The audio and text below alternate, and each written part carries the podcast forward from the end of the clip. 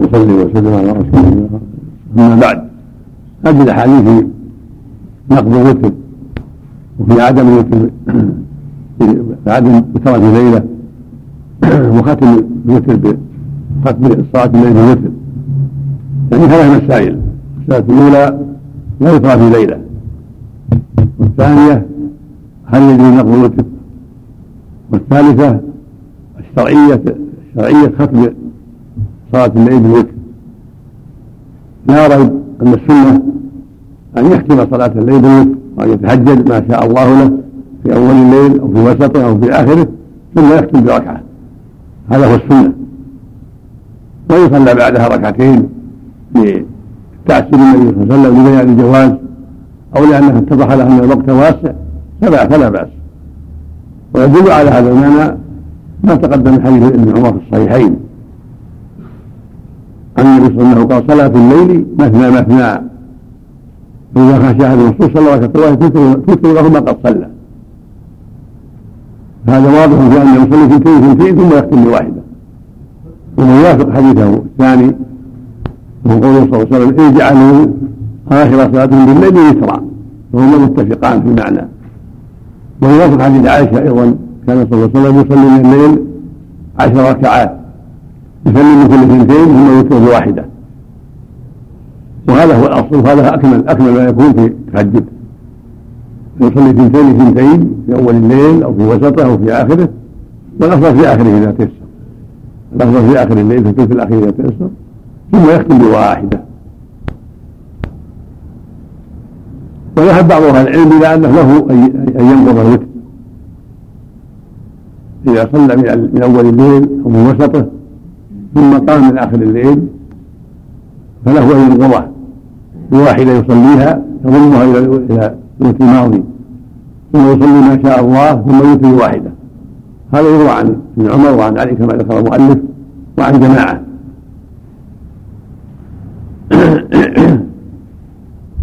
واحتجوا بحديث اجعلوا آخر ثلاث من الوتر قالوا نحن أوترنا أول الليل ثم يسر الله القيام فيختم بالوتر أيضا. وننقض معه بركعتين نزيدها تظل الأولى حتى تكون شفعا ثم يوتر بواحدة وذهب الجمهور والأكثر من أهل العلم إلى أنه لا ينقض ولا ينبغي نقضه ولا يشرع نقضه بل خلاف السنة. بقوله صلى الله عليه وسلم حديث طلق لا يوتران في ليلة. وهو حديث لا بأس بالحديث صحيح رواه أحمد وأبو داود والترمذي والنسائي واصحاب بن حبان كما ذكر المؤلف هنا وذكر الحافظ كذلك وذكر الحافظ من صحاب بن حبان أيضا وهو سند جيد. ولأنه إذا نقضه فقد فقد أوتر بثلاث مو باثنين صار يكون ثلاث اوتر بالاولى ثم ثم بالنقض التي نقض بها ثم بالاخير صار ثلاث أوتار. هذا خلاف السنة وخلاف عمله صلى الله عليه وسلم. فالجمهور على أنه لا ينقضه. حكى العراقي يعني أكثر أنه لا ينقضه. وحكى ابن منير عن عامة المفتين عدم شرعية النقد وأنه يصلي ما يسر الله له كما جاء عن الصديق وعن جماعة من الصحابة يصلي ما يسر الله له ثم يوتر بواحدة إذا كان مع أوتر وإن كان قد أوتر سابقا كفاه وتر السابق والحمد لله. ولهذا ثبت عنه صلى الله عليه وسلم من حديث عائشة أنه يصلي كان يصلي ركعتين بعد الوتر. ليعلم الناس أنه لا حرج في صلاة الشيخ بعد الوتر وأنه لا يجب ختمها بالوتر. بل لو صلى ركعتين أو أكثر. بعد الوتر فلا حرج. وهكذا حديث سلمه الذي ذكره المؤلف هنا يدل على أنه لا حرج. أن يصلي بعد الوتر. وهذا هو المعتمد. وهذا هو الصواب. إنه لا ينقض الوتر. وهو قول وهو قول الاكثرين وهو موافق للأحاديث الصحيحة الثابتة عن رسول الله عليه الصلاة والسلام. فيصلي ما يسر الله له في أول الليل أو في وسط الليل أو في آخره. ويوتر وإذا قام في آخر الليل يسر الله له القيام. أو بدأ اتضح له انه باقي الليل وان هناك ليل وأحب أن يصلي ركعتين أو أكثر فلا بأس بذلك ولا حاجة إلى النقل ولا يأتي بوتر اخر يكفيه الأول. لقوله صلى الله عليه وسلم لا يوتران في ليلة ولأنه صلى الله عليه وسلم أوتر ولم ينقض. بل صلى ركعتين ولم ينقض بعد الوتر عليه الصلاه والسلام نعم.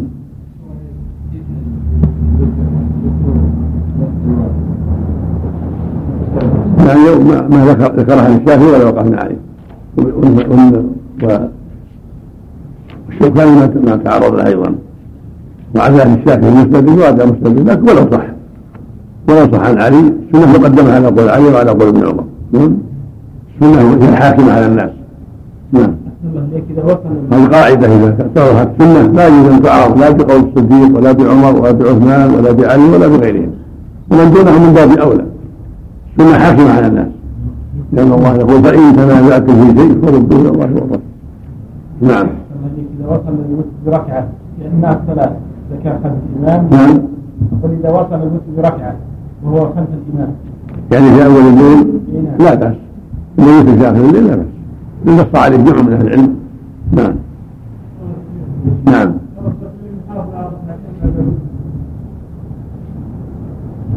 ذكرت عائشة هذا أنه يصلي ركعتين لكن ما في دليل على أنه يحافظ عليها. يدل على أنه يفعلها بعض الأحيان لبيان الجواز. ولهذا قال في أحاديث الكبيرة الصحيحة كان يختم بواحدة عليه الصلاة والسلام. نعم.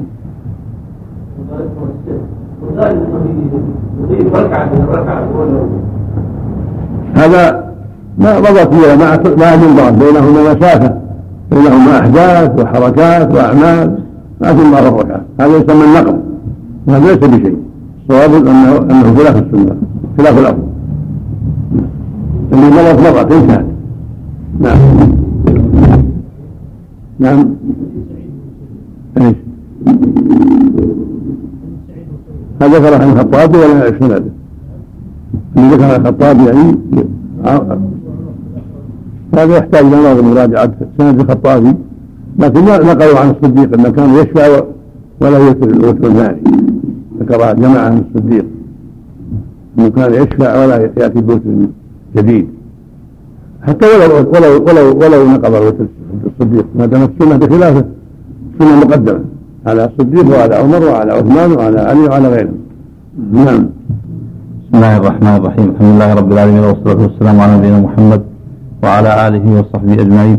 قال المجد بن تيمية رحمه الله تعالى باب قضاء ما يفوت من الوتر والسنن الراتبة والأوراد. عن أبي سعيد الخدري رضي الله عنه قال قال رسول الله صلى الله عليه وسلم من نام عن وتره أو نسيه فليصله إذا ذكره. رواه أبو داود. وعن عمر بن الخطاب رضي الله عنه قال قال رسول الله صلى الله عليه وسلم من نام عن حزبه من الليل أو عن شيء منه فقرأه ما بين صلاة الفجر وصلاة الظهر كتب له كأنما قرأه من الليل. رواه الجماعة إلا البخاري. وثبت عنه صلى الله عليه وسلم أنه كان إذا منعه من قيام الليل نوم أو وجع صلى من النهار ثنتي عشرة ركعة. وقد ذكرنا عنه قضاء السنن في غير حديث. باب صلاة التراويح.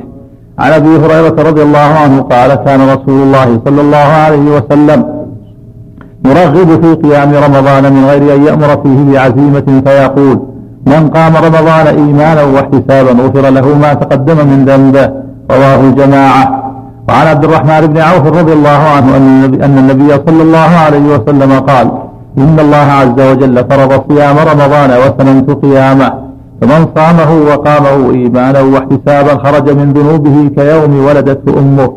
رواه أحمد والنسائي وابن ماجه وعن جبير بن نفير عن أبي ذر رضي الله عنه قال صمنا مع رسول الله صلى الله عليه وسلم فلم يصل بنا حتى بقي سبع من الشهر. فقام بنا حتى ذهب ثلث الليل ثم لم يقم بنا في السادسة وقام بنا في الخامسة حتى ذهب شطر الليل.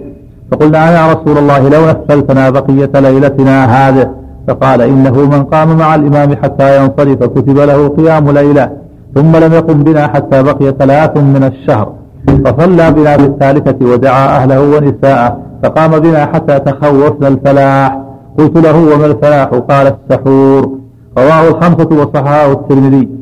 وعن عائشة رضي الله عنها أن النبي صلى الله عليه وسلم صلى في المسجد فصلى بصلاته ناس ثم صلى الثانية فكثر الناس ثم اجتمعوا من الليلة الثالثة من الليلة الثالثة أو الرابعة فلم يخرج إليهم فلم يخرج إليهم رسول الله صلى الله عليه وسلم. فلما أصبح قال رأيت الذي صنعتم فلم يمنعني من الخروج إليكم إلا أني خشيت أن يفرض عليكم وذلك في رمضان متفق عليه.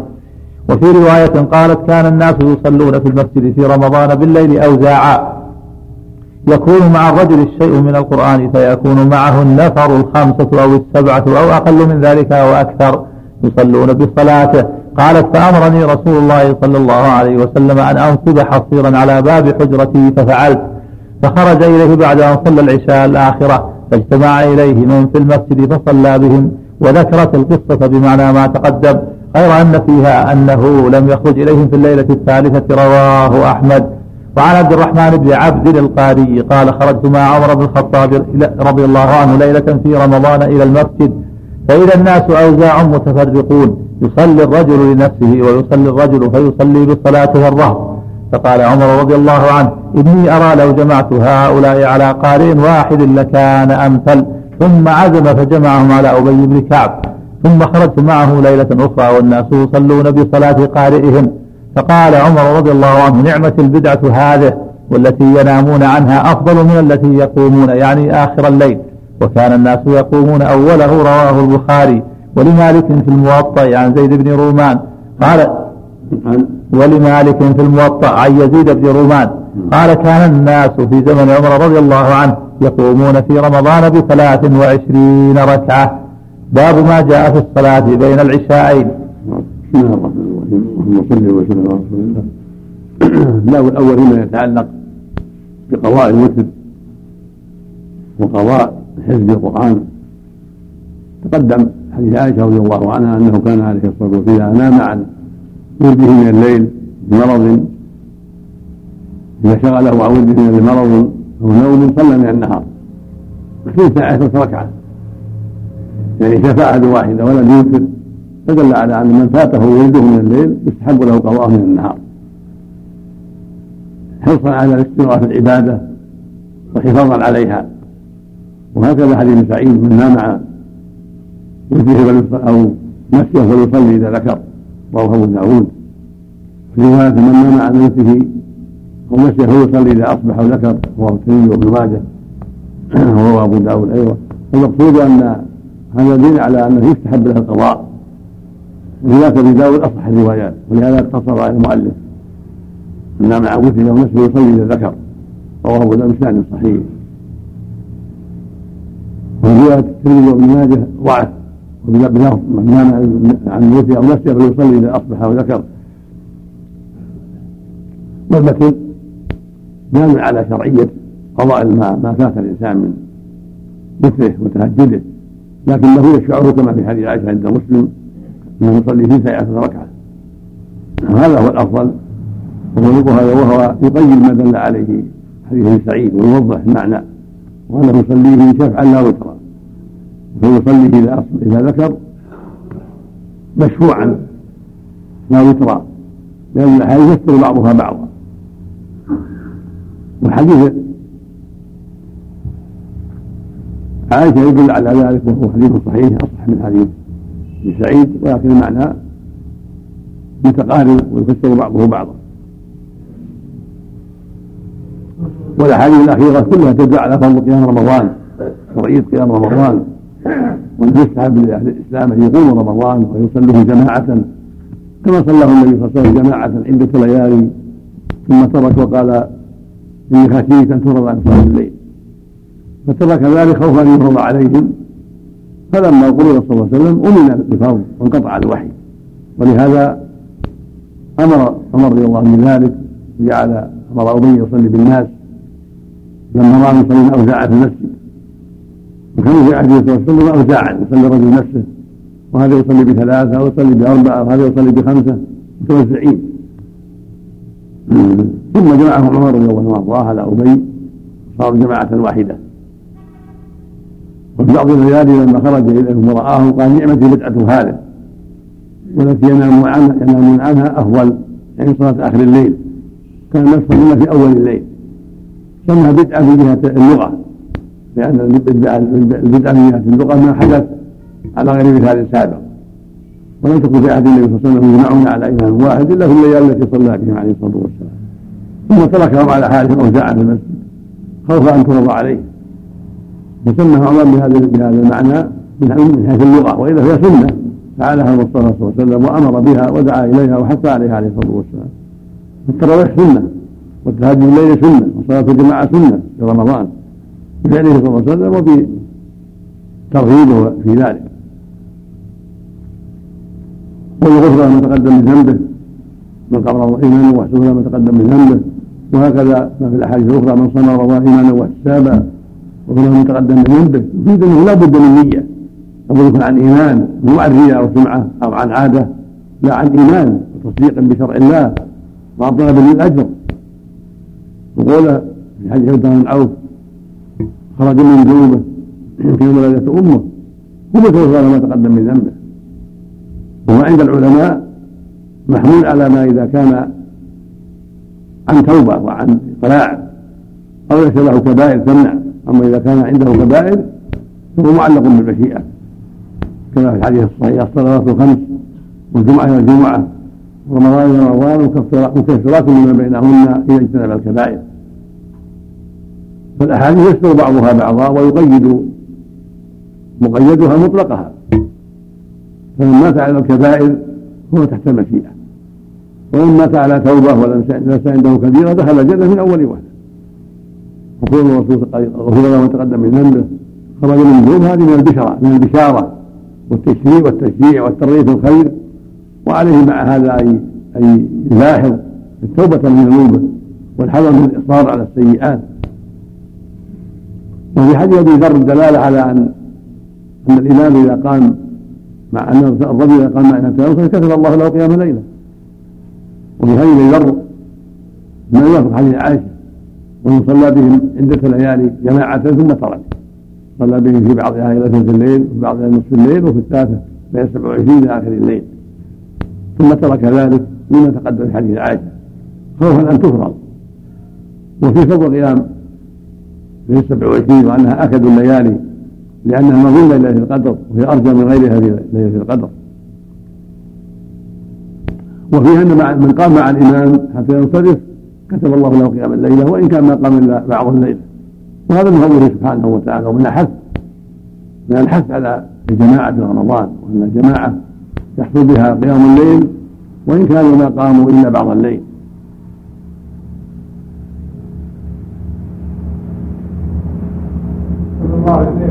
وفق الله جميعا. نعم. نعم. عمر رضي الله عنه فعله بدعه النبي صلى الله عليه وسلم عرفت عرفت وجهه ما كان ما دام عليها. هذا قلنا في بدعه يعني الدوام عليها والاستقامة عليها ليس من فعل النبي صلى الله عليه وسلم إنما فعل أي ليالي ثم ترك هذا من حيث اللغة يعني. البدعة في اللغة ما يحدث على الله الكافر من قوله جل وعلا بديع السماوات. وبدعة الدين ما أحدث في الدين ولم يشرعه الله ولا رسوله قال بدعة أما هذه فقد شرعها الله ورسوله. وفعلها المصطفى ودعا إليها ورغب فهي فهي قربة وطاعة. من سماها عمر بدعة فهي بلوغة رضي الله عنه نعم. الله إليك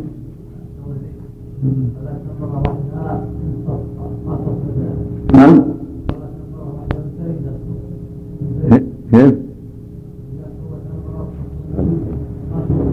في في مخيرة إن صلت معه فلا بأس وإن صلت وحدها فلا بأس. هذا من واحد الذي كان يصلي وحده وعاش نائما إن صلت معه فلا بأس وإن صلى وحده على من واحد.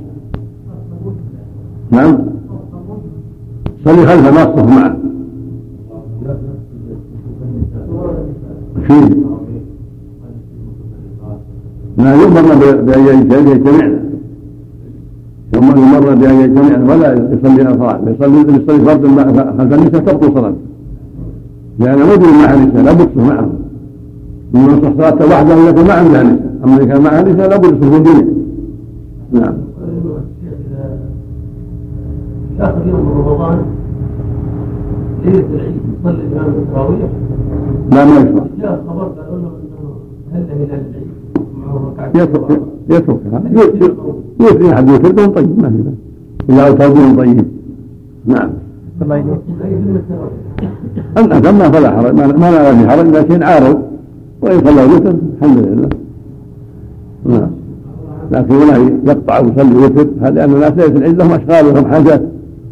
هو يوتر بهم ولو ما تم من الآداب يكون أفضل. حتى لا يشغلهم عن مهمات. نعم. نعم. الأذكار الحمد لله رب العالمين والصلاة والسلام على نبينا محمد وعلى آله وصحبه أجمعين. قال رحمه الله تعالى قال المجد بن تيمية رحمه الله تعالى باب ما جاء في الصلاة بين العشاءين. عن قتادة عن أنس رضي الله عنه في قوله تعالى كانوا قليلا من الليل ما يهجعون قال كانوا يصلون فيما بين المغرب والعشاء وكذلك تتجافى جنوبهم عن المضاجع. رواهما أبو داود. وعن حذيفة وعن حذيفة رضي الله عنه قال صليت مع النبي صلى الله عليه وسلم المغرب فلما قضى الصلاة قام يصلي. فلم يزل يصلي حتى صلى العشاء ثم خرج. رواه أحمد والترمذي. باب ما جاء في قيام الليل. عن أبي هريرة رضي الله عنه قال سئل رسول الله صلى الله عليه وسلم أي الصلاة أفضل بعد المكتوبة؟ قال الصلاة في جوف الليل. قيل فأي الصيام أفضل بعد رمضان؟ قال شهر الله المحرم. رواه الجماعة إلا البخاري. ولابن ماجه منه فضل الصوم فقط. وعن عمرو بن عبسة رضي الله عنه أنه سمع النبي صلى الله عليه وسلم يقول أقرب ما يكون الرب من العبد في جوف الليل الآخر فإن استطعت أن تكون ممن يذكر الله في تلك الساعة فكن. رواه الترمذي وصححه. وعن عبد الله بن عمرو رضي الله عنهما أن رسول الله صلى الله عليه وسلم قال إن أحب الصيام إلى الله صيام داود وأحب الصلاة إلى الله عز وجل صلاة داود. كان ينام نصف الليل ويقوم ثلثه وينام ثلثه وكان يصوم يوما ويفطر يوما. رواه الجماعة إلا الترمذي فإنه إنما روى منه فضل الصوم فقط. وعن عائشة رضي الله عنها أنها سئلت كيف كانت قراءة النبي صلى الله عليه وسلم بالليل؟ فقالت كل ذلك قد كان يفعل ربما أسر وربما جهر. رواه الخمسة وصححه الترمذي. وعن عائشة رضي الله عنها قالت كان رسول الله صلى الله عليه وسلم إذا قام من الليل افتتح الصلاة بركعتين خفيفتين رواه أحمد ومسلم. وعن أبي هريرة رضي الله عنه قال قال رسول الله صلى الله عليه وسلم إذا قام أحدكم من الليل فليفتتح صلاته بركعتين خفيفتين رواه أحمد ومسلم وأبو داود. وعمومه حجة في ترك نقض الوتر. باب صلاة الضحى. أما بعد. فالأثران الأولان أثر أنس وحذيفة وما جاء في معناهما يدل على استحباب التهجد بين المغرب والعشاء بالعبادة تنفل وأنه محل عمل محل الصلاة. وانه لا يختص التهجد والتعبد بالصلاة بعد العشاء بل حتى بين العشاءين. فيستحب لمن يسر الله له ذلك يكثر من الصلاة بين العشاءين أما الراتبه فسنة اثنتان. سنة المغرب اثنتان فقط. كان يحافظ عليها ويصليها في البيت عليه الصلاة والسلام غالبا. وربما صلاها في المسجد. أما ما بين العشاءين فإذا تنفل بما يسر الله له الصلاة والقراءة فذلك من فعل كثير من السلف وقد رواه أنس في حذيفة. هذا يدل على شرعية التنفل بين العشاءين وأنه عمل صالح. في فضل صلاة من الليل. ولكن إذا كان هناك أعمال أخرى كطلب العلم والأمر بالمعروف والنهي عن المنكر وغير هذا من الأعمال المتعدة يقدم عليه. ولهذا كان صلى الله عليه وسلم الغالب يخرج من مسجد إلى بيته. هذا هو الغالب. يدل ذلك على أنه إذا فعل بعض الأحيان فحسن وإذا اشتغل بشيء آخر من أمور بيته كما فعله النبي صلى الله عليه وسلم أو من أمور أخرى كطلب العلم أو الامر بالمعروف والمنكر أو الدعوة إلى الله أو زياره بعض الإخوان للمصلحه الاسلاميه أو نحو ذلك كله قربة وطاعة. وأما ما يروى من شرعية ست ركعات بين المغرب والعشاء سمي بعضهم مؤنسات فالرواية فيها كلها ضعيفة كل الروايات في ذلك ضعيفة وإنما جنس الصلاة بين المغرب والعشاء هذا هو الثابت. وفعله جميع السلف من الصحابة وغيرهم. وأما تخصيصه بدواء خاص فالاحد فيها ضعيفه والأحاديث الأخيرة دالها على فضل قيام الليل. قال ينبغي يكون نصيب من قيام الليل. قد قال الله جل وعلا في عباد الرحمن والذين يبيتون ربهم سجدا وقياما قال عن المتقين كانوا قليلا من الليل ما يهجعون وبالاسحار هم يستغفرون. قال الله النبي يا أيها المنزل قل الليل إلا قليلا. نصفه أو ينقصه قليلا أو عليه ورتل القرآن ترتيلا. فقيام الليل من أفضل القربات. لكن لا يقومه كله ينام ويقوم كما قال صلى الله عليه وسلم لكن يصلي وأنام. ويستعين بنومته على قومته وعلى أعماله النهاريه ولكن يستحب له يكون نصيب له نصيب من الليل يتهجد فيه وافضله يوم الليل كمان يتهجد به عبسا وغيره. وفي حديث عبد الله بن عمرو يوم الليل أفضل يوم الليل الآخر. وهو الربع السادس والربع الخامس والسدس الرابع والسدس الخامس. وهو الذي كان يقول في داوود ينام نصف الليل ويقوم ثلثه يقوم الربع السادس السدس الرابع والسدس الخامس. وهذا جوف الليل الآخر. جوف الآخر هو السدس الرابع والسدس الخامس الذي هو أفضل النصف الأخير. فيكون سدس الرابع جوف الليل والسدس الثاني الذي هو الخامس من الثلث الأخير من في التنزل الالهي وهذا أفضل ما يكون من القيام ولهذا قال في حديث الله عنه في الصحيحين أفضل صلاة داوود كان ينام نصف الليل ويقوم ثلثه فيحصل له من ذلك القيام في جوف الليل والقيام في الثلث الأخير. وهذه النزول كلها دالة على فضل قيام الليل أيضا الثلث الأخير.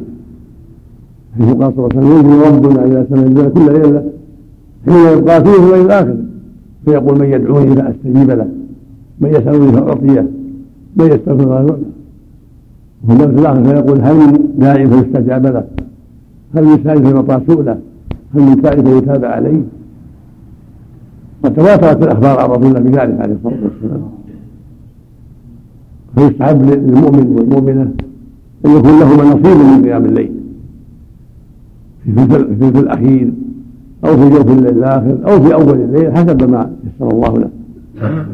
وقد أوصى النبي صلى الله عليه وسلم أبا هريرة وأبا الدرداء بالايثار أول الليل ولعل استرى في ذلك والله اعلم أنهما يشق عليهما القيام في آخر الليل لدرسهما الحديث وعنايتهما بالحديث. وقد فصل هذا في حديث جابر المتقدم. صلى الله عليه وسلم من خاف أن يقوم من آخر الليل فليوتر أوله ومن طمع أن يقوم آخر الليل فليوتر آخر الليل. فإن صلاة آخر الليل مشهودة وذلك أفضل. قالت عائشه رضي الله عنها من كل ما أوتر رسول الله من أوله واوسطه واخره ثم انتهى وتره إلى السحر. استقر وتره السحر. وهو الثلث الأخير. وإذا ضم إلى ذلك جوف الليل كما في الأحاديث السابقة لأن السدس الرابع جمع بين الفضل كله ويحتمل أنه صلى الله عليه وسلم جاءه الوحي بأن الثلث الأخير هو الأفضل لأنه موافق للهدى الالهي ولهذا استقر وتوه في اخر الليل الثلث الأخير. ولكن الأصل هو بين النصوص فإذا تيسر له أن يكون نصيب من جوف الليل ومن الثلث الأخير فإنه بهذا يجمع بين النصوص كلها.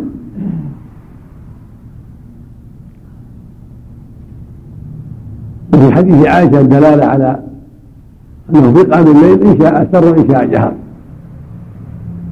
الله عنها رضي الله عنها من كل من اوتر رسول الله. من اوله واخره قال ربما قالت ربما اسرهم لما سئلت عن القراءات ربما اسروا ربما جهر. وهو حديث جيد صحيح. ويدل على أنه لا بأس بالجهر والسر إن رأى أن جهره أنشط له وأنفع له للحاضرين جهر وإن رأى أن السر أخشع لقلبه أسر أو كان في جهله تشويش على مصلين أو قراء أو نائمين أثر ولم يجهر بحيث يؤذي من حوله. وفي حديث أبي هريرة وعائشة الدلالة على شرعية بدء التهجد ركعتين خفيفتين يقول عائشة رضي الله عنها كان يبدأ تهجده ركعتين خفيفتين إذا قام آخر الليل وابو هريره يقول انه صلى الله عليه وسلم أمر بذلك. اذا قام احدكم فليصلي ركعتين خفيفتين يعني قبل تهجده هذا هو الأفضل. يبدأ بركعتين خفيفتين ثم يصلي ما قسم الله له. وفي الحجه كما قال المؤلف على عدم نقض الوتر قاله بعض السلف. وهو أنه إذا أوتر في أول الليل ثم قام يصلي ركعة. يليها منظومة إلى الأولى التي اوتر بها سابقا ثم يصلي ما تيسر ثم يوتر في آخر صلاته وهذا قول مرجوح. والنبي عليه السلام كان يبدأ بركعتين ويأمر بركعتين تفتتح بها صلاة فلم ينقل الوترة ما بدأ بركعتين بدأ بركعة. هذا خلاف السنة. قد تقدم أن الصواب أنه لا ينقل الوترة بل إذا أوتر من آخر الليل يصلي ما تيسر من آخر الليل ولا حاجة إلى وتر يكفي الوتر الأول لقوله عليه الصلاة والسلام لا وتران في ليلة. فإذا صلى من أول الليل يسر الله له. أخذا من الحزم وخوفا أن لا يقوم من آخر الليل. ثم يسر الله له القيام من الليل من آخر الليل فإنه يصلي ما يسر الله له شفعا. ركعتين ركعتين. ويكفي الوتر الأول. ولا حاجة إلى أن ينقض وتره ولا حاجة إلى أن يعيد الوتر. يكون خلاف السنة. والله أعلم. نعم. الله الحكمة في افتتاح افتتاح ركعتين خفيفتين افتتاح القيام.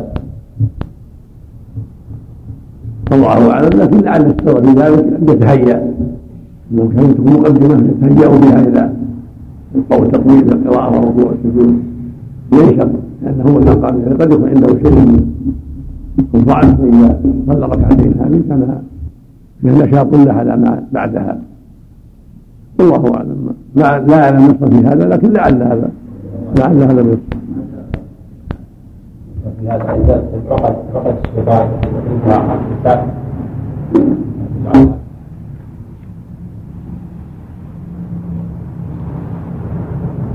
يحتمل أيضا لا ذكر الله حل العقده واذا توضا حل العقده واذا ما صلى الحق حل العقده كلها يحتمل يظن من الحكمه لكن قد يقال هذا له لا به ركعتين.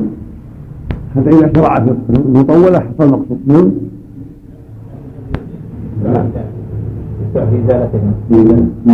لعل الحكم يتعلق يتعلق بالبدء بإحرامه. بها على كل حال مسألة الحكمة. أمرها بسيط المهم العمل بالمشروع. نعم. سواء ظهرت الحكمة. أم لم تظهر الحكمة نعم. الصلاة بين هي ناشئة الليل يروى أن بعض السلف قال ناشئة الليل لكن المظهر والمعروف عند العلماء ناشئة الليل لا يكون بعد النوم لأن بعض الشيء في المقام الناشئة الليل هي ما يقع بعد النوم بعد النوم هذا المشهور الله نعم. من كان له عادة في الصلاة بين العشاءين ست ركعات بناء على الحديث ينكر عليه؟ نعم. قل من كانت له عادة في الصلاة بين العشاءين ست ركعات الله يعلم انه ثابت وانه ينبغي أن يزيد أو ينقص لا يداوم عليها لاعتقاد هذا الأمر. يعني من باب التعليم انه ست ركعات لا بأس لكن كونه يعتقد المعنى يعلم نعم ولا يقال إنها من فضائل الأعمال يتساهل فيها هذا أمر واسع هذا أمر واسع نعم. هذه التي صارت النوم كيف؟ هذا أن دليل الليل الظاهر تعد بعمل نظرها تعد بعمل نعم. إليك يعني العيد يدخل بغروب الشمس. نعم. الأفضل يا شيخ انه يجمع الوتر مع الشفع أو يؤخر الشفع إلى آخر الليل. مثل لو إنسان صلى الشفع في أول الليل وأحب يؤخر الوتر إلى آخر الليل. يفصل بينهم. يصلي الوتر وحده في آخر الليل. هذا أمر واسع أقول الامر واسع لا أعلم في هذا شيء. نعم. لكن إذا تيسر له يكون معه شيء ومعه شيء أفضل لأن صار في آخر الليل أفضل. إذا تيسر يؤخر معه ركعتين أو أربع ركعات يصلي خمس في آخر الليل أو ثلاث يكون أفضل لأنه أجل في الأجر أكثر في الأجر. نعم. بسم الله الرحمن الرحيم. الحمد لله رب العالمين والصلاة والسلام على نبينا محمد وعلى آله وصحبه أجمعين. قال رحمه الله تعالى قال ابن المجد بن تيمية رحمه الله تعالى باب صلاة الضحى. عن أبي هريرة رضي الله عنه قال أوصاني خليلي صلى الله عليه وسلم بثلاث بصيام ثلاثة أيام من كل شهر وركعتي الضحى وأن أوتر قبل أن أنام متفق عليه. وفي لفظ لأحمد ومسلم وركعتي الضحى كل يوم. وعن أبي ذر رضي الله عنه قال قال رسول الله صلى الله عليه وسلم يصبح على كل سلامة من أحدكم صدقة وكل تسبيحة صدقة وكل تحميدة صدقة وكل تهليلة صدقة وكل تكبيرة صدقة وأمر بالمعروف صدقة ونهي عن المنكر صدقة ويجزئ من ذلك ركعتان يركعهما من الضحى. رواه أحمد ومسلم وأبو داود. وعن عبد الله بن بريدة عن أبيه رضي الله عنه قال سمعت رسول الله صلى الله عليه وسلم يقول يقول في الإنسان ستون وثلاثمائة مفصل فعليه أن يتصدق, فعليه أن يتصدق عن كل مفصل منها صدقة. قالوا فمن الذي يطيق ذلك يا رسول الله؟ قال النخاعة في المسجد تدفنها أو الشيء تنحيه عن الطريق فإن لم تقدر فركعة الضحى تجزئ, تجزئ عنك. رواه أحمد وأبو داود. وعن نعيم بن همار رضي الله عنه عن النبي صلى الله عليه وسلم قال قال ربكم عز وجل يا ابن آدم صل لي أربع ركعات من أول النهار أكفك آخرة.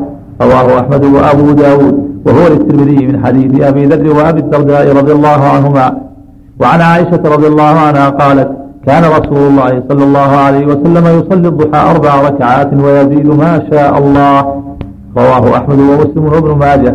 وعن أم هانئ رضي الله عنها أنها لما كان عام, الفتح أتت رسول الله صلى الله عليه وسلم وهو بأعلى مكة. فقال رسول الله صلى الله عليه وسلم فقام رسول الله صلى الله عليه وسلم إلى غسله فسترت عليه فاطمة ثم أخذ ثوبه فالتحف به ثم صلى ثماني ركعات سبحة الضحى متفق عليه. ولأبي داود عنها أن النبي صلى الله عليه وسلم صلى يوم الفتح سبحة الضحى ثمان ركعات يسلم بين كل ركعتين. وعن زيد بن أرقم رضي الله عنه قال خرج النبي صلى الله عليه وسلم على أهل قبى وهم يصلون الضحى. وعن وعن زيد بن أرقم رضي الله عنه قال خرج النبي صلى الله عليه وسلم على أهل قبى وهم يصلون الضحى. فقال صلى فقال صلاة الأوابين إذا رمضت الفصال من الضحى. رمضت. إذا رمضت. باب فقال صلاة الأوابين إذا رمضت الفصال من الضحى. رواه أحمد ومسلم. وعن عاصم بن ضمرة قال سألنا علي رضي الله عنه عن تطوع النبي صلى الله عليه وسلم بالنهار. فقال كان إذا صلى الفجر أمهل حتى إذا كانت الشمس من ها هنا يعني من المشرق مقدارها من صلاة العصر من ها هنا قبل المغرب. قام فصلى ركعتين ثم يمهل حتى إذا كانت الشمس من ها هنا يعني من قبل المشرق مقدارها من صلاة الظهر من ها هنا يعني من قبل المغرب. قام فصلى أربعة وأربعا قبل الظهر إذا زالت الشمس وركعتين بعدها وأربعا قبل العصر. يفصل بين كل ركعتين بالتسليم على الملائكة المقربين والنبيين ومن تبعهم من المسلمين والمؤمنين. رواه الخمسة إلا أبا داود. باب تحية المسجد. بسم الله الرحمن الرحيم الحمد لله وصلى الله وسلم ذكر المؤلف هنا إذا صار الضحى ثمانية أحاديث. عن النبي عليه الصلاة والسلام الحديث الأول حديث أبي هريرة رضي الله عنه أن النبي أوصاه بثلاث بركعتي الضحى والوتر قبل النوم والسنة ثلاث أيام من كل شهر.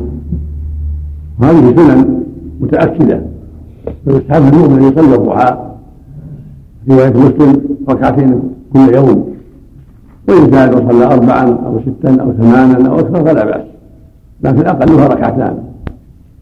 قد ثبت عنه صلى الله عليه وسلم الوصية بذلك. لأبي هريرة ولابي الدرداء كما في رواية مسلم لعبد الله بن عمرو. المقصود أنها سنة مؤكدة. ويوصل ثم حافظ عليها عليه الصلاة والسلام من فعله لكنه أوصى بها عليه الصلاة والسلام. ويستحب المؤمن والمؤمنة الحفاظ عليها. وفي حديث أبي ذر إنها تقوم مقام الصدقات التي على السلاميات وأن كل انسان عليه صدقة على سلاميات الصدقة والسلاميات المفاصل. في حديث ابي هريره انها 63 مفصل وهكذا رواه مسلم حديث عائشة. وكان المؤلف ان يذكره هنا لأن صح من حديث بريده حديث عائشة النبي الله عليه وسلم خلق الله ابن آدم على 360 مصر ثم سبح الله وحمد الله وهلل الله وكبر الله واستغفر الله وعلم أحد من الطريق أو عونا أو شوكا أصبح وقد زحزح نفسه عن النار. قال بعدد ذلك أصبح وقد زحزح نفسه عن النار. قال أو قال امسى وقد زحزح نفسه عن النار. فإذا صلى ركعتين قامت مقام هذه الصدقات التي يشرع له أن يؤديها كما في حديث عائشة وفي حديث بريده عليه يعني عن تلك السلاميات أن يزيل الأذى كحك المصاق من المسجد وإزالة الأذى من الطريق وهكذا الأمر معروف والنهي منكر كما في حديث أبي ذر وكل خطوة يمشيها إلى الصلاة والتسبيح والتهليل والتهليل والتكبير كل هذه صدقات. وهكذا سائر ما شرع الله. فإذا فعل 360 صدقة من هذه الصدقات أدى ما عليه. ومن ذلك إماطة الأذى عن الطريق. حق الأذى من الجدار من جدار المسجد. التسبيح التحميد التهليل التكبير الدعوة إلى الله الاستغفار إلى غير ذلك. قال ويكفي من ركعتان. هكذا في حديث ذر حديث بريدة. ركعتان يرفعهما من الضحى. تقوم مقام هذه الصدقات وتؤدي عن هذه الصدقات. ودل ذلك على تأكد هذه الركعتين وأن فيهما خيرا عظيما وفوائد جمة. فيشرع لمن يحافظ عليهما. كما أوصى بذلك النبي وسلم هريرة وأبا الدرداء. وهو صلى الله عليه وسلم إنما ترك المحافظه عليها والله أعلم لئلا يشق على أمته. لأنه ما وصى وحافظ صار ذلك أشد تأكيدا فربما شق على الناس. ولهذا قالت عائشة رضي الله عنها إنه عليه الصلاة والسلام ربما ترك العمل وهو يحب أن يعمل به مخافة يشق على أمته عليه الصلاة والسلام. والسنة تثبت بقوله وبفعله وبتقريره. وهذه السنة ثبتت في قوله العظيم الحديث الصحيح وبفعله في بعض الأحيان عليه الصلاة والسلام كما ثبت في حديث عائشة كان يصلي الضحى أربعا ويجد ما شاء الله. حديث المهان أن صلى يوم الفتح سبحة الضحى ثمان ركعات. زاد أبو داود سلم بكل ركعتين. ومطاد حديث صلاة الليل والنهار مثنى مثنى. وفي حديث نعيم حمار عن النبي صلى الله عليه وسلم قال يا ابن آدم صل يقول الله جل وعلا يا ابن آدم صل أربع من النهار من أول النهار اكفك اخره حمله بعضهم على صلاة الضحى وان السابق يصليها اربعا. ولكن هذا ليس بصريح. يحتمل أنه أراد بذلك صلاة الفجر وسنتها فإنها في أول النهار وهي قبل صلاة الضحى. ولعل المراد ولعل المراد بذلك ولعل المراد بهذا أولى في صلاة الفجر وسنة الفجر لأنهما يفعلان في أول النهار وصلاة الفجر فريضة وسنتها مؤكدة هكذا من صلاة الضحى. وبكل حال إذا صلى أربعا من من الضحى فهو خير كبير كما تقدم في حديث عائشة يصلي أربعا ويجد ما شاء الله. وفي حديث علي في عاصم بن أن النبي صلى الله عليه وسلم يفعل ذلك يعني يصلي أربعا من الضحى وثنتين من أول الضحى وأنك يصلي ستة عشر ركعة كل يوم اثنتين حين ارتفاع الشمس وأربع حين يشتد الضحى وأربعا قبل الظهر وثنتين بعدها وأربعا قبل العصر هذه ستة عشر ركعة. وهذا محفوظ عن النبي صلى الله عليه وسلم في أربعا قبل الظهر وثنتين بعدها وثنتين بعد المغرب وثنتين بعد العشاء وثنتين قبل صلاة الصبح. لكن رواية عاصم عن علي أن يصلي أربعا قبل قبل العصر هذا هو الذي انفرد به عاصم عن علي. كذلك أربعا يشتد الضحى بعد ركعتين في أول الضحى ولهذا ضعف جماعة حديث عاصم هذا قالوا إنه ضعيف. يشدد في هذا أبو العباس بن تيمية وقال إنه لا يصح عن النبي صلى الله عليه وسلم حديث علي هذا. وعاصم فيه كلام كثير. والأقرب أن روايته هذه غير صحيحة. وفي الأحاديث الصحيحة ما يكفي ويكفي ما يكفي ويكفي. الأحاديث السابقة ما يكفي ويكفي. أما الله أما قبل العصر فثبت فيه قول النبي رحم الله امرا صلى أربعا قبل العصر. فجاء هذا من قوله عليه الصلاة والسلام فيسحب يصلي أربعا قبل العصر إذا تيسر ذلك أربعا قبل العصر هذه ستة عشر ركعة. وهذا محفوظ عن النبي صلى الله عليه وسلم في أربعا قبل الظهر وثنتين بعدها. وثنتين بعد المغرب وثنتين بعد العشاء وثنتين قبل صلاة الصبح. لكن رواية عاصم عن علي أن يصلي أربعا قبل قبل العصر. هذا هو الذي انفرد به عاصم عن علي. كذلك أربعا إذا اشتد الضحى بعد بعد ركعتين في أول الضحى. ولهذا ضعف جماعة الحديث عاصم هذا. قالوا إنه ضعيف. وشدد في هذا أبو العباس بن تيمية وقال إنه لا يصح عن النبي صلى الله عليه وسلم حديث علي هذا. وعاصم فيه كلام كثير. والأقرب أن روايته هذا غير صحيحة. وفي الأحاديث الصحيحة ما يكفي ويكفي ما يكفي ويكفي. في الأحاديث السابقة ما يكفي ويكفي. أما الله أما قبل العصر فثبت فيه من قول النبي رحم الله امرأ صلى أربعا قبل العصر. فجاء هذا من قوله عليه الصلاة والسلام فيسحب يصلي أربعا قبل العصر إذا تيسر ذلك. في حديث في حديث ابن أرقم أن الأفضل أن تكون صلاة الضحى حين يشتد الضحى. يشتد الضحى و وقلة الانفصال هذا هو الأفضل في صلاة الضحى. ولهذا قال صلى الله عليه وسلم لما رآه يصلون صلاة الأوابين حين ترمض الانفصال. ترمض يعني حين يشتد عليها تشتد عليها الرمضاء والانفصال جمع فصيل وهي أولاد الإبل يعني اشتد الضحى هذا هو الأفضل صلاة الضحى. وإن صلاها بعد ارتفاع الشمس حصل المطلوب لكن عند شدة الضحى يكون الأفضل. وفق الله الجميع صلى الله عليه وسلم. الأربعة اللي بعد السنتين ها؟ أربعة قبل قبل الظهر. اثنتين في أول النهار في ست تصير لم يتابعه أحد على هذا. زيادة ما زيادة. لكنه له أوهام له مناكير. ولهذا أنكر عليه جماعة من هذا الحديث منهم أبو العباس رحمه الله. أحسن الله إليك. الركعتين التي تكون بعد طلوع الشمس هل ينوى بها الضحى أم تكون لو ما نوى لو ما نوى صلاة الضحى ولو ما نوى لكن إذا صلى ركعات أخرى إذا اشتد الضحى كان أفضل. فقد صلى النبي ثمان ركعات إذا صلى ثمان أو ست أو أربع كان أفضل. حديث أن أجرها كحجة وعمرة. كذا لا بأس له طرق جيدة. نعم. نعم. كذلك حديث هذا حديث ام حبيبة. بنت أبي سفيان رضي الله عنها وهو لا بأس به. نعم. وهذا يدل على فرض أربع قبل الظهر واربع بعد لكن ليست راتبه الراتبة أربع اثنتين هذه الراتبة. وإذا صلى بعد اربعا كان أفضل ولكن ليست هي الراتبة. الراتبة اثنتان التي حافظ عليها النبي صلى الله عليه وسلم. وإذا زاد اثنتين صلى اربعا قبلها واربعا بعدها فهو أفضل. نعم. نعم. نعم. وش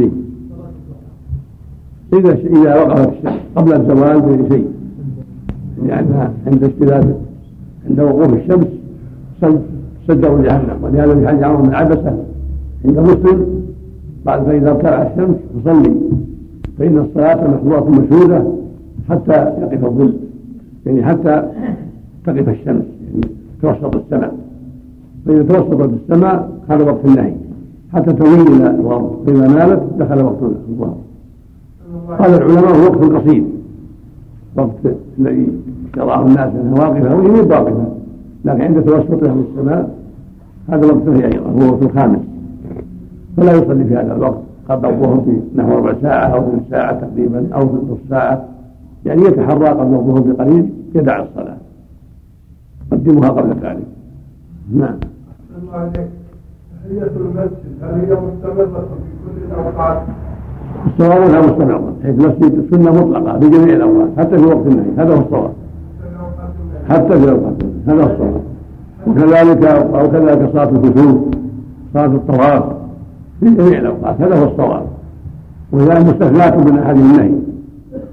الله يقول محظورة مشهودة. وأن نذكر فيهن موتانا ذكرنا مع بعض الأصل هذه غير ذوات الأسباب نعم. إذا في المسجد طلوع الشمس الضحى بالمسجد أو في البيت في المسجد صلى ركعتين المسجد وإذا صلى في البيت عند اشتداد الضحى يكون جمع بين الخيرين. محظورة مشهودة. يشهدها الله وملائكته أو الملائكة كما في الروايات الأخرى. نعم. إذا اقتصر على الأذكار نعم. إذا اقتصر على أذكار الصلوات هل يؤدي عن السلميات؟ نعم. إذا اقتصر على أذكار الصلوات ما ما ما كمل ثلاثة وستين ما تكمل ثلاث مسجد حتى يضيف اليها غيرها أو يأتي ركعتين الضحى. لا حث من النبي صلى الله عليه وسلم ركعتين الضحى. ولا عند ركعات أخرى. عند ركعات أخرى. لكن هذا مزيه ركعتين الضحى. نعم. 360 الصلوات الخمس يعني. 360 مقصد 360 مقصد نعم. إذا أدى الصلوات الخمس أذكر الصلوات الخمس كل على كل حال إذا فعل حسنات تقابل 63 وهي صدقات مستحبة ليس كثيرة. نعم. بسم الله الرحمن الرحيم الحمد لله رب العالمين. والمطلوب من هذا كله الاستكثار من الخير والحث على الاستكثار من الخيرات والمسارعة إلى الطاعات. نعم. لو جلس في بيته بعد صلاة الفجر إلى أن تطلع الشمس ثم صلى هل يكون له الأجر؟ يرجع له خير إن شاء الله. نعم.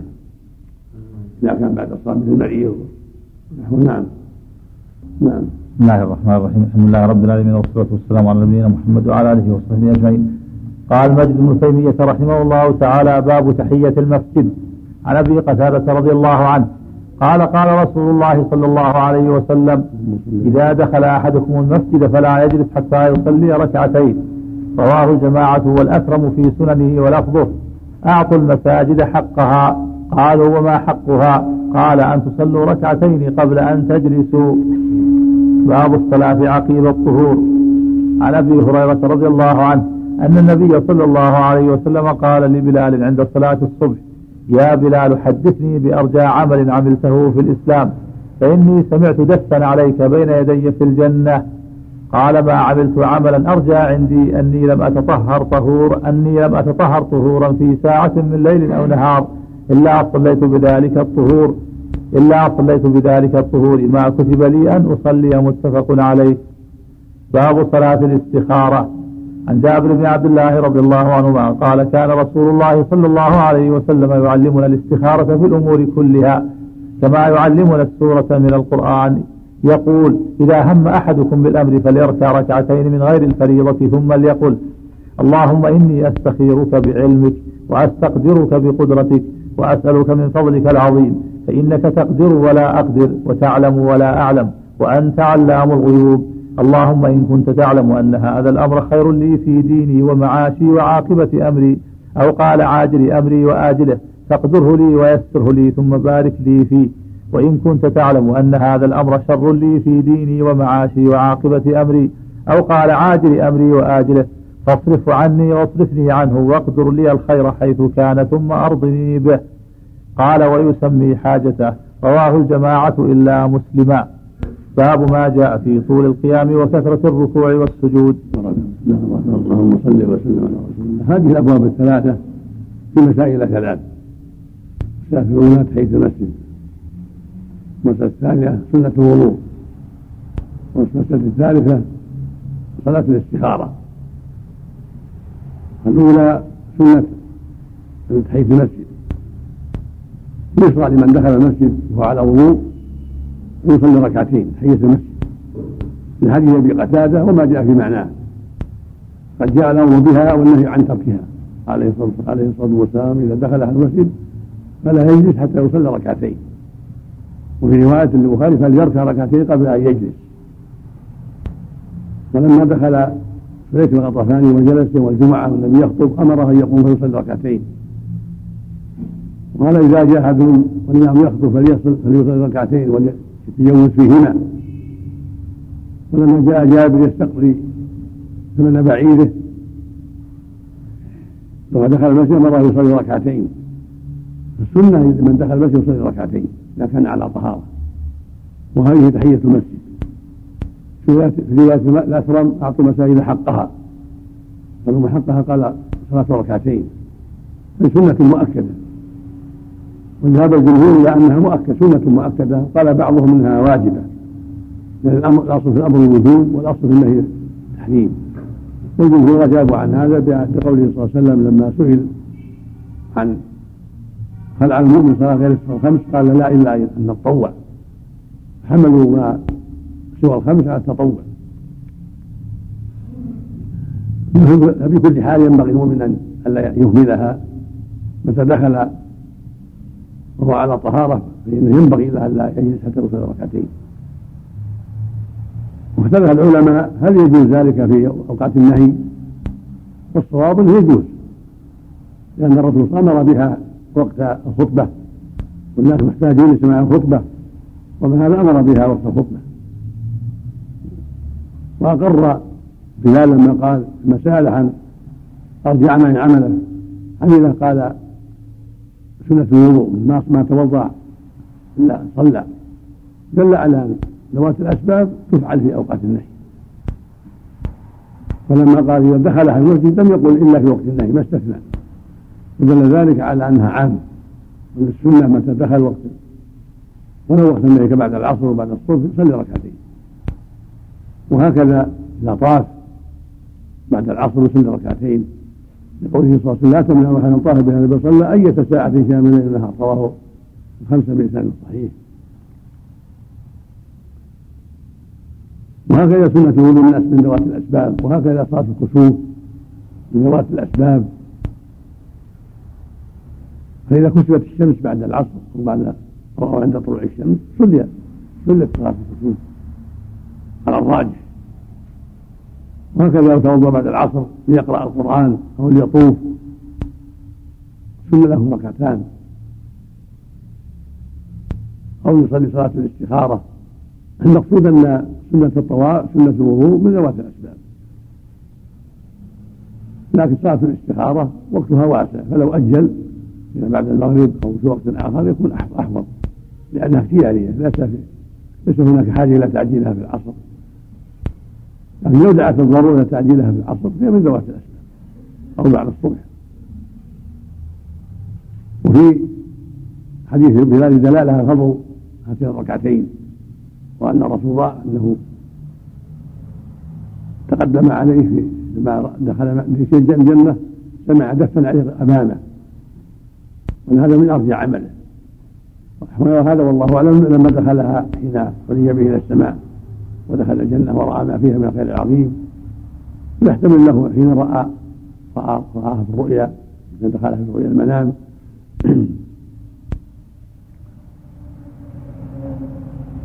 وفي هذا أيضا فضل بلال وأن له مزية كبيرة رضي الله عنه أن ما توضأ إلا صلى. سنة الوضوء يستحب الوضوء إذا توضأ يصلي ركعتين. قد جاء في هذا الباب حديث من حج عثمان أنه علم توضأ للناس فلما فرغ من وضوءه.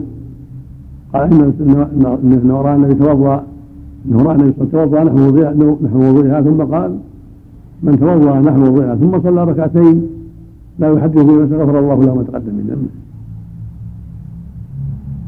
في لفظ فاقبل فاقبل عليه وجهه غفر الله له ما تقدم من ذنبه. وفي لفظ دخل الجنة.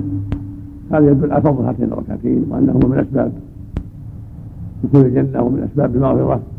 لمن صلاهما بإحضار قلب وطمأنينة وإقبال عليهما وأنهما سنة بعد الوضوء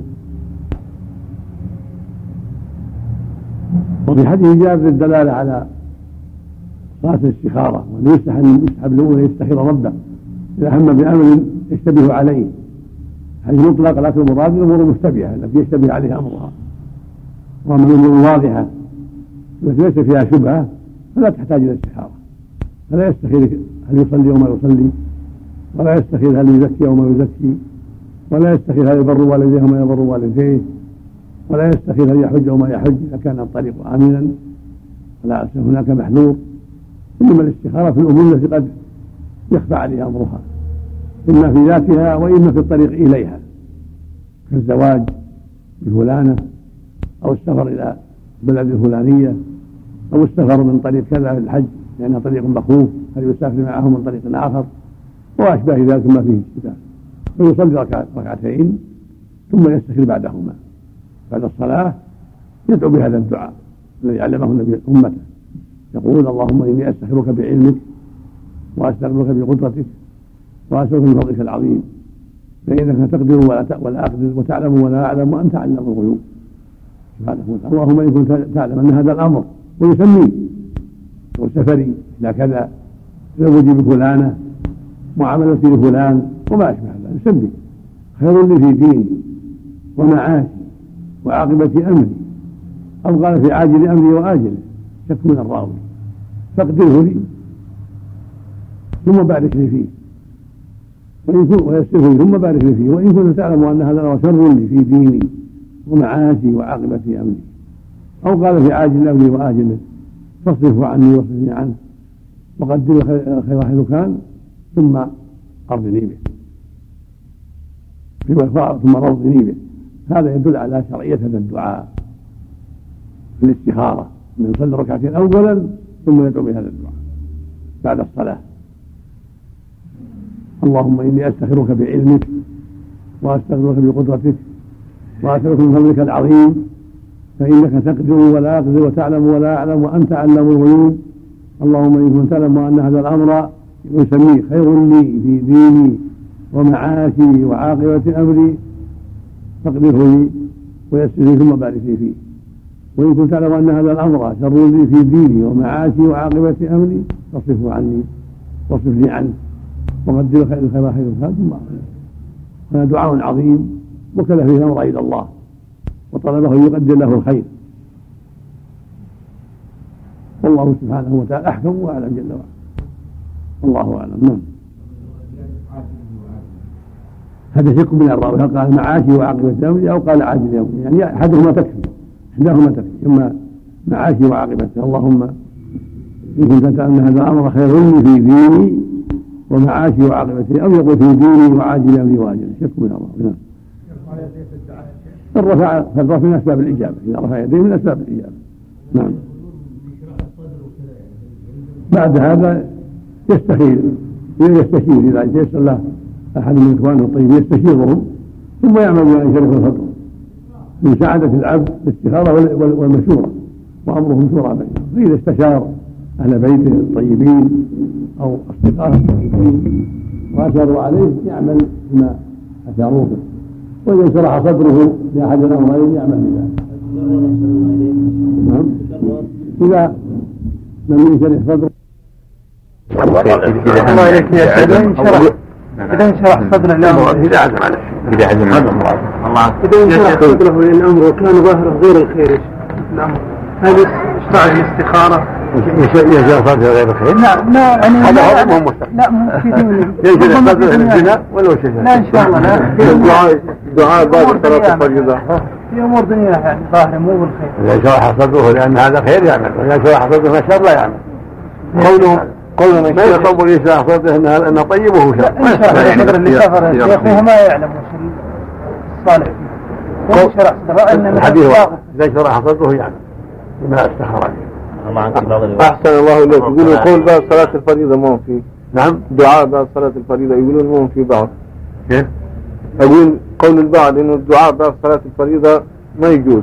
لا ما في بأس الدعاء مو رفع اليدين الدعاء ما في بأس إذا دعا بعد الذكر ما في. طيب قول استغفر الله. اللهم أنت السلام. استغفر الله دعاء. وإذا دعا كذلك اللهم إني على ذكرك وشكرك كذلك لا بأس. أو دعا بغيره. بعد الذكر. يا شيخ. معنى ذلك المنهي رفع اليدين وليس الدعاء. رفع اليدين بس. إيه بعد الفريضة. ما ما جاء ما كان بيرفع بعد الفريضة. جزاك الله يدعو ولا يرفع. أحسن الله يا شيخ إذا دخل المسجد وصلى السنة آه، وخرج من المسجد ونوى أن يرجع إليه هل يصلي حج المسجد أخرى؟ الأفضل ثم دخل يصلي هذا الأفضل لو طالت المدة لو قصرت ظاهر العمر ظاهر العمر ما قصرت ولكن الأمر في هذا واحد. لأنها سنة على الصحيح. لا لا لا في الإيمان ما جاء له روايات من التكرار تكرر ثلاثا أو سبعا ما ما المهم بس شرح صدق أحد الأمرين أو مشورة شرعية من الأخيار حتى ينشرح صدق الشيخ بارك الله فيك آه، في بعض المشايخ قال ان الذي يوجد في بيت خادم في لعنه مثل هذا الكلام هل هذا؟ كلام باطل لكن النبي فيه فيه هذا في هذا ما يقصد خادم من هذا ولا لكن هذا كلام كلام ما يقول عاقل القسم بحق وجود الله القسم بحق وجود الله القسم بحق وجود الله القسم بحق وجود الله سألت عنه مرة في مواعيد الدرب السؤال أورد السائل الكلمة دي وما علق عليها ما ما لأن الحق بالله أن نعبده ونطيعه وهذه من أفعالنا ما نقسم بها لكن يقسم بالله وجود الله في صفة الروح أما بحق حق أن نعبده ونطيعه الله عليك هذا من أعمالنا. من فسر الساق بالشدة هل يقال أنه مجتهد يا شيخ؟ إذا كان إذا إذا إذا كان يعرف الحديث يجنبه فقط وإذا كان ما يعرف الحديث جهل. جهل مثل مبين الرب جل وعلا. هل ينقص قبر النبي صلى الله عليه وسلم من المسجد؟ لا. أيهما من جعل بأنه من الله يشفيك في الاستخارة تصلي موظف ولا تكون معفوف؟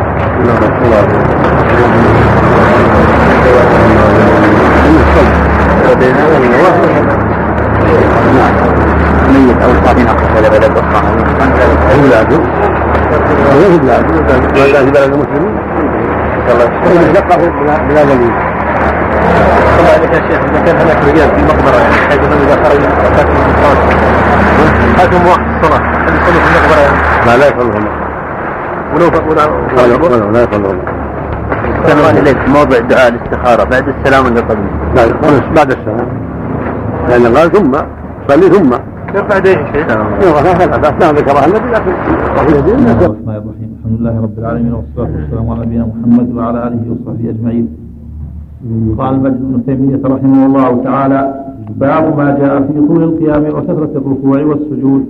عن أبي هريرة رضي الله عنه أن رسول الله صلى الله عليه وسلم قال أقرب ما يكون العبد من ربه وهو ساجد فأكثر الدعاء.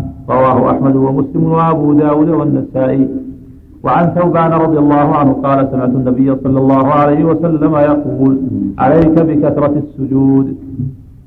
فإنك لن تسجد لله تعالى سجدة إلا رفعك الله بها درجة وحط بها عنك خطيئة.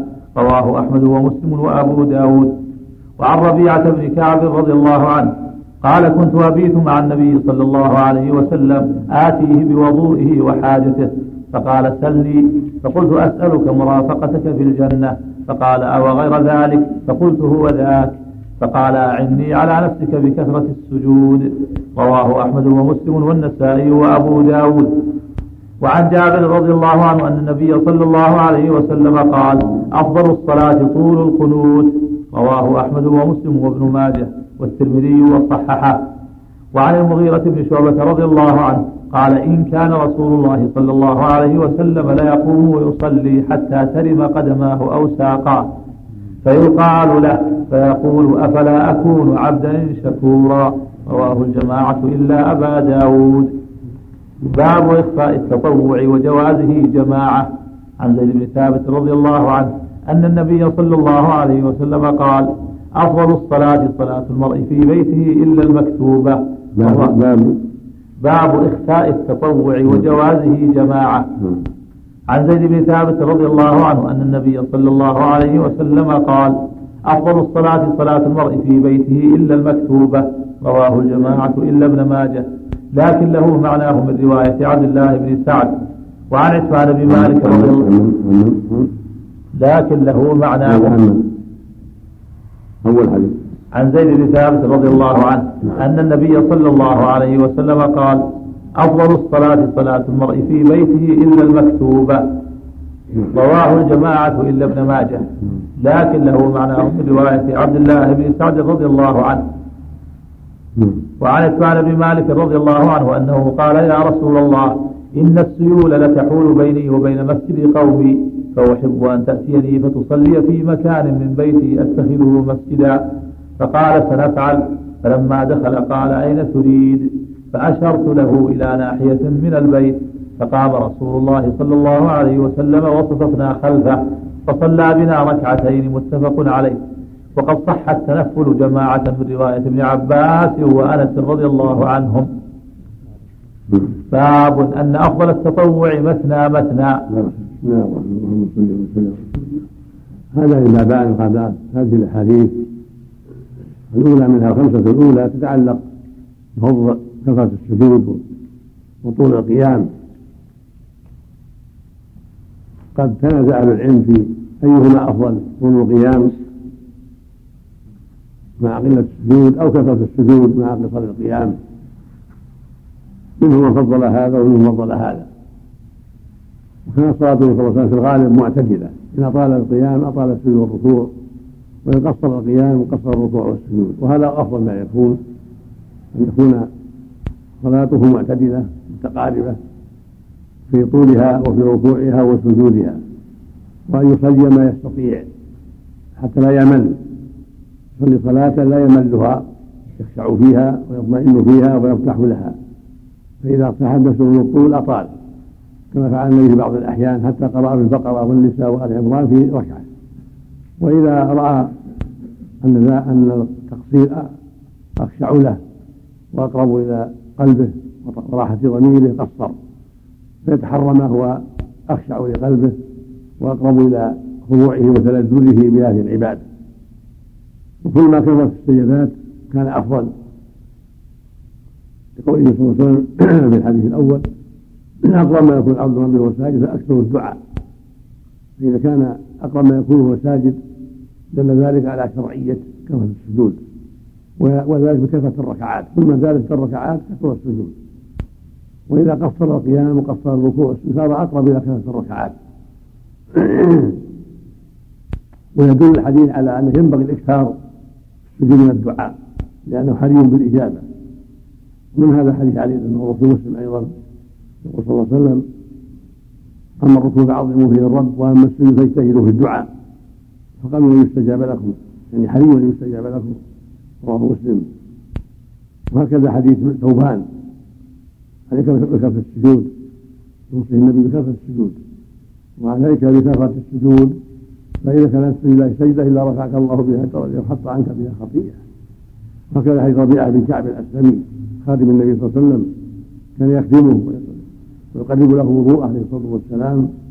فقال له مرة يا رسول الله. قال له النبي صلى الله عليه وسلم قال له يسمي قال أسألك مرافقتك في الجنة مسألة عظيمة.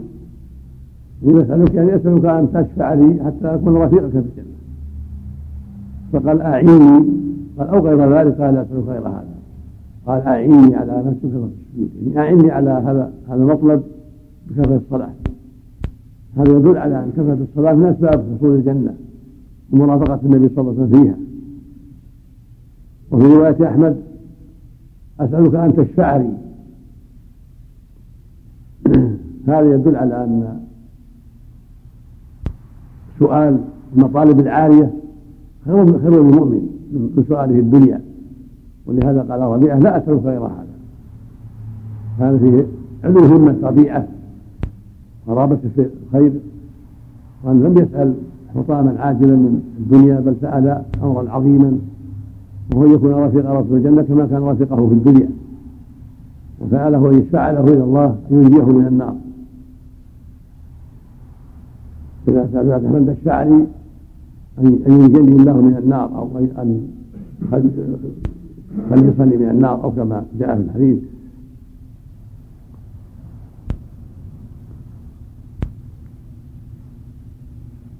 وفي حديث جابر سئل أي الصلاه افضل طول طول القنوت وجعلتها طول القيام.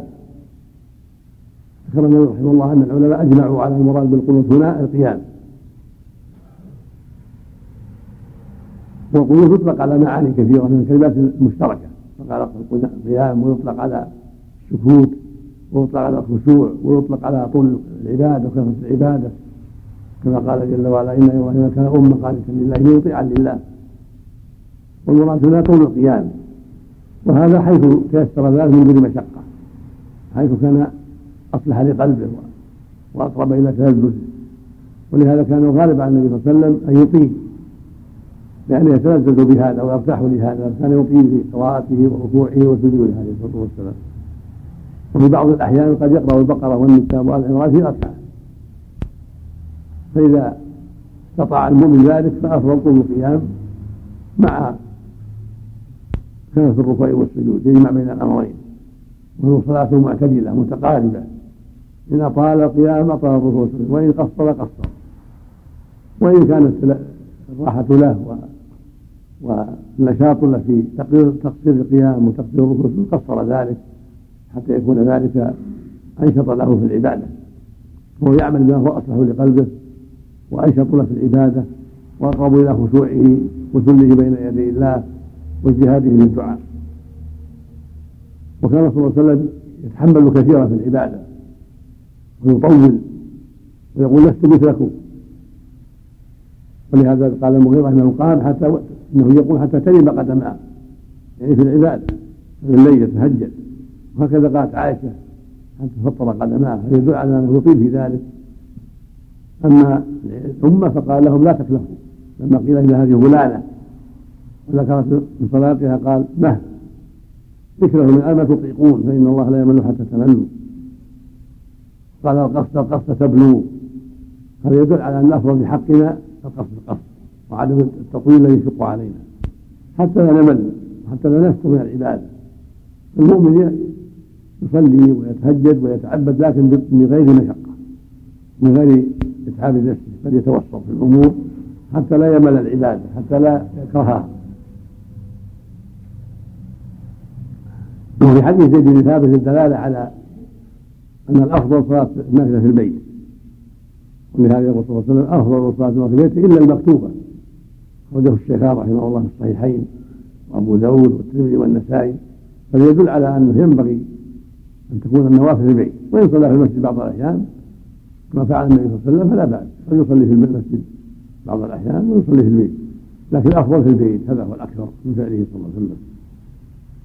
لأنه أقرب إلى الإخلاص وأبعد عن الرياء. ولقوله صلى الله عليه وسلم اجعلوا من صلاة بيوتكم ولا تتخذوها قبورا متفق عليه في حديث عمر. ويجوز أن تصلي النافله جماعة بعض الأحيان كما صلى النبي صلى الله عليه وسلم جماعة بعتبان ومن معه لما زاره ضحى كما تقدم. وكما صلى في بيت أنس في بيت أم انس لما زاره ضحى صلى بهم جماعة. وكما صلى بابن عباس جماعة في صلاة الليل لما صلى عندهم ابن عباس في بيت ميمونة. وقام النبي يصلي فقام ابن عباس وصف عن يساره وجعله عن يمينه. وكما صلى سلمان مع أبي الدرداء جماعة في الليل. وأخبر سلمان أبو الدرداء بعمل سلمان فقال الذي صدق صدق. وهذا من باب التعاون الذي والتقوى ومن باب التناصر والتواصي بالحق. إذا اجتمعوا بعض الأحيان وصلوا جماعة تعلم بعضهم بعض واسترشد بعضهم بعض في فعل السنن. يعرف صلاة أخيه. كل واحد يتعرف على صلاة أخيه ويتناصحون في إحياء السنة. هكذا النساء إذا صلوا جماعة بعض الأحيان يكون أحسن. حتى تتعلم الجاهلة من العالمة. إذا صلت بهم العالمة جماعة وعلمتهم يكون هذا أفضل. كما روي عن عائشة وأم سلمة أنه ما كان كانت تصلي عن بعض الأحيان النساء جماعة للتعليم والتوجيه والإرشاد. والله أعلم. نعم. في جماعة. نعم. المؤلف أطلق نعم. وجوازه جماعة. يعني كان يفيد هذا أنه المداومة على ذلك. الأصل جواز هذا المقصود. أما كونه يستحب هذا بالنظر إلى بعض المصالح. يجوز جماعته والأفضل وحده وحده وهذا هو الأفضل. ولو داوم. كما كان يفعل كان يصلي وحده عليه الصلاة والسلام لكن إذا فعل بعض الأحيان جماعة لمصلحة هذا حسن. لكن يفيد الدوام عفى الله ما قال يقول جوازه جماعة ولا لو قال لو قال شرعية جماعة بعض الأحيان كان أنسب للنصوص أيهما أفضل عفى الله نعم. طول القيام أو كثرة الركوع والسجود؟ نعم. أيهما أفضل؟ طول القيام أفضل كما فعل النبي صلى الله عليه وسلم لكن لمن لا يشق عليه. أما إذا شق عليه يكون يقتصد ويكفي من الركوع والسجود أفضل. قوله صلى الله عليه وسلم لربيعه أعني على نفسك بكثرة السجود. قال في رد على الذين يسألونه صلى الله عليه وسلم بعد الممات أو غيره من الأولياء. هذا يعرف يعرف بغيره ما غير هذا. الأدلة دالة على أن سؤال الأموات والاستغاثة بالأموات يكون أكبر. لكن المقصود صلى الله عليه وسلم من أراد الشفاعة صلى الله عليه وسلم ومن أراد أن يكون رفيقه فليكثر من العبادة. ولو بعد وفاته صلى الله عليه وسلم. يكثر من العبادة ومنها الصلاة. فإن موافقة الأنبياء تكون بالعبادة والعمل الصالح. من إحسان الأيتام كفالة الأيتام والإحسان إليهم كثرة العبادة والصلاة العناية بالدعوة إلى الله. كل هذه من أسباب أن يكون رفيق الأنبياء. نعم. نعم. نعم. يدعو في السجود الدعاء في السجود مستحب من أسباب الإجابة. يدعو في السجود وذلك من أسباب الإجابة. نعم؟ لا لا في الصلاة. ما يشرع مفرد لا. يشرع في الصلاة أو لأسباب مثل سجود الشكر سجود التلاوة. أما يتعبد السجود مجردا لا غير مشروع هذا. مراد كثرة السجود لكثرة الصلاة هذا مراد النبي صلى الله عليه وسلم. نعم. لو فعلها بعض الأحيان ما ما نعلم فيها شيء. لو دخلوا الجنة صلى واحد ما ما نعلم. ما نعلم شيء حتى تحية لو صلى جماعة بعض الأحيان دخلوا جميعا صلى جماعة. لكن الأفضل كل واحد لحاله لا لا يسوسوا ويصلي كل واحد وحده يكون أفضل. نعم.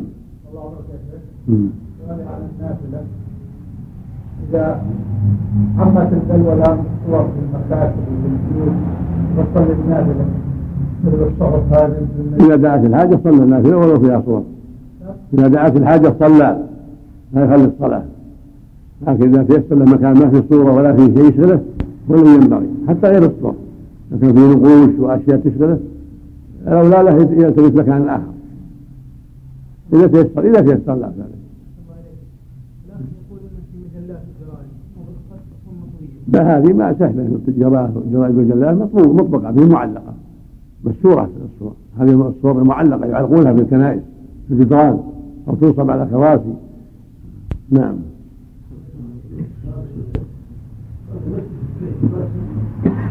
مسجد عادي يعني حجرة يصلي فيها حجرة ولا مكان مو مسجد له حكم المساجد؟ لا. ما له حكم المساجد. يعني مصلى في البيت. نعم. بسم الله الرحمن الرحيم. الحمد لله رب العالمين والصلاة والسلام على نبينا محمد وعلى آله وصحبه أجمعين. قال مجد بن تيمية رحمه الله تعالى باب أن فضل التطوع مثنى مثنى. فيه عن ابن عمر وعائشة وأم هانئ رضي الله عنهم وقد سبق. وعن ابن عمر رضي الله عنهما أن النبي صلى الله عليه وسلم قال صلاة الليل والنهار مثنى مثنى. رواه الخمسة. باب باب, باب أن أفضل التطوع مثنى مثنى. فيه عن ابن عمر وعائشة وأم هانئ رضي الله عنهم وقد سبق. وعن ابن عمر رضي الله عنهما أن النبي صلى الله عليه وسلم قال صلاة الليل والنهار مثنى مثنى. رواه الخمسة وليس هذا بمناقض لحديثه الذي خص فيه الليل بذلك لأنه وقع جوابا عن سؤال سائل عينه في سؤاله. وعن أبي أيوب رضي الله عنه أن رسول الله صلى الله عليه وسلم كان إذا قام يصلي من الليل صلى أربع ركعات لا يتكلم ولا يأمر بشيء ويسلم بين كل ركعتين. وعن عائشة رضي الله عنها أن رسول الله وعن عائشة رضي الله عنها أن رسول الله صلى الله عليه وسلم كان يرقد فإذا استيقظ تسوك ثم توضأ ثم صلى ثمان ركعات وعن أبي أيوب رضي الله عنه أن رسول الله صلى الله عليه وسلم كان إذا قام يصلي من الليل صلى أربع ركعات لا يتكلم ولا يأمر بشيء ويسلم بين كل ركعتين. وعن عائشة رضي الله عنها أن رسول الله صلى الله عليه وسلم كان يرقد فإذا استيقظ تسوك ثم توضأ ثم صلى ثمان ركعات يجلس في كل ركعتين ويسلم. ثم يوتر بخمس ركعات لا يجلس ولا يسلم إلا في الخامسة. وعن المطلب بن ربيعة رضي الله عنه أن رسول الله صلى الله عليه وسلم قال وعن, وعن, وعن المطلب. نعم. وعن المطلب بن ربيعة رضي الله عنه أن رسول الله صلى الله عليه وسلم قال الصلاة مثنى مثنى وتشهد وتسلم في كل ركعتين وتبأ وتبأس وتمسكن. الصلاة الصلاة. الصلاة مثنى مثنى. وتشهد والتشهد بعدها بالأمر والخبر. بعده الصلاة مثنى مثنى وتشهد وتسلم في كل ركعتين. وتبعث وتمسكن نعم وتقنع يديك وتقول اللهم فمن لم يفعل ذلك فهي خداج. رواهن ثلاثتهن أحمد. وعن أبي سعيد رضي الله عنه عن النبي صلى الله عليه وسلم قال في كل ركعتين تسليمة. رواه ابن ماجه. وعن علي رضي الله عنه قال كان النبي صلى الله عليه وسلم يصلي حين تزيغ الشمس ركعتين وقبل نصف النهار أربع ركعات يجعل التسليم في آخره. رواه النسائي. باب جواز التنفل جالسا والجمع بين القيام والجلوس في الركعة الواحدة. عن عائشة رضي الله عنها قالت لما بدن رسول الله صلى الله عليه وسلم وتقل كان أكثر صلاته جالسا. متفق عليه. وعن حفصة رضي الله عنها قالت ما رأيت رسول الله صلى الله عليه وسلم صلى في سبحته قاعدا حتى قال حتى كان قبل وفاته بعام فكان يصلي في سبحته قاعدا وكان يقرأ السورة فيرتلها حتى تكون أطول من أطول منها. رواه أحمد ومسلم والنسائي والترمذي وصححه. وعن عمران بن حسين رضي الله عنه أنه سأل النبي صلى الله عليه وسلم عن صلاة الرجل قاعدا قال إن صلى قائما فهو أفضل ومن صلى قاعدا فله نصف أجر القائم ومن صلى نائما فله نصف أجر القاعد. رواه الجماعة إلا مسلما وعن عائشة رضي الله عنها أن النبي صلى الله عليه وسلم كان يصلي ليلا طويلا قائما وليلا طويلا قاعدا. وكان إذا قرأ وهو قائم ركع وسجد وهو قائم وإذا قرأ قاعدا ركع وسجد وهو قاعد. رواه الجماعة إلا البخاري. وعن عائشة رضي الله عنها أيضا أنها لم ترى النبي صلى الله عليه وسلم يصلي صلاة الليل قاعدا قط حتى أسن حتى أسن وكان يقرأ قاعدا حتى إذا أراد أن يركع قام فقرأ نحو من ثلاثين أو أربعين آية ثم ركع. رواه الجماعة وزادوا إلا ابن ماجه. ثم يفعل في الركعة الثانية كذلك. وعن عائشة رضي الله عنها قالت رأيت النبي صلى الله عليه وسلم يصلي متربعا رواه الدار قطني. باب النهي عن الصلاة بعد الإقامة. بسم الله الرحمن الرحيم الأحاديث الأولى فيها الدلالة على شرعية التنفل والتطوع مثنى مثنى ليلا ونهارا. والخلاصة أن الأحاديث في هذا دالة على أن السنة مثنى مثنى ليلا ونهارا. أما في الليل فلا إشكال في ذلك.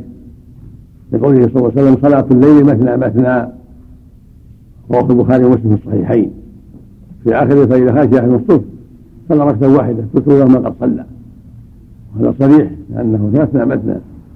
قالت عائشة رضي الله عنها كان يصلي من الليل عليه الصلاة والسلام عشر ركعات. يسلم من كل اثنتين ثم يوتر في واحدة. وهكذا الروايات الأخرى عنها وعن حفصة وعن غيرها أنه يسلم من كل اثنتين ثم يوتر.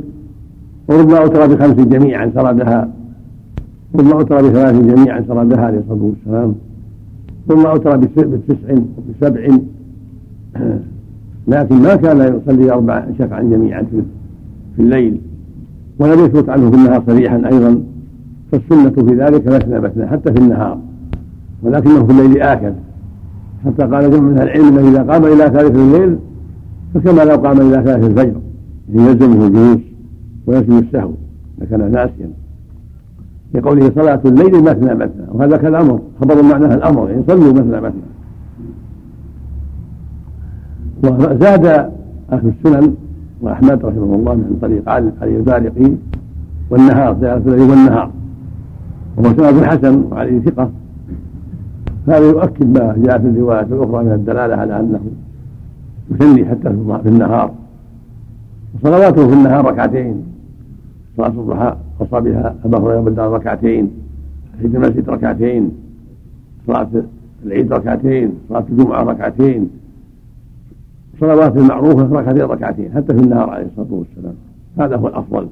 إذا تطوع يصلي ركعتين ركعتين حتى في النهار. أما في الليل فالأمر أشد وآكد وليس له ولا يجوز له أن يجعلها أربع. ويصلي ركعتين ركعتين. لكن في النهار فيه الخلاف الشديد. بعضهم ضعف زيادة والنهار ولكن الصواب إنها جيدة لا بأس بها. وتعرضها الروايات الاخرى الكثيره في أنه يصلي ركعتين ركعتين عليه الصلاة والسلام. أما إذا أوتر فلا بأس. أن يجمع أكثر من اثنتين. يوتر بثلاث يصولها بسلام يوتر بخمس بسلام لا بأس. بسبع بسلام واحد أو يجلس السادسة ويتشهد الشهد الأول ويقوم. أو يصلي تسعا بسلام واحد يجلس الثامنة ويتشهد ويقوم لا بأس. أما يصلي أربعا جميعا أو ستا جميعا أو ثمانا جميعا بسلام هذا هو الذي مكروه أو ممنوع. في الليل ممنوع وفي النهار مكروه لأن خلاف السنة المعروفة عنه عليه الصلاة والسلام. والأحاديث الأخرى في الباب الثاني تدل على أنه لا بأس على المتنفل أن يصلي قاعدا. والأفضل قائما وأن على النصف. إذا صلى قاعدا من دون عذر فهو على النصف من الأجر كما في حديث عمران بن حصين. لكن إذا كان تثاقل عن ذلك وفي عليه صعوبة فأجره كامل. والنبي صلى الله عليه وسلم يصلي قائما في النافلة فلما ثقل في آخر حياته صار صار يصلي جالسا. وربما صلى أولها جالسا ثم إذا دنا من الركوع قام وقرأ ما يسر الله له ثم ركع. وجاءت النص عن عائشة رضي الله عنها على أحوال ثلاث.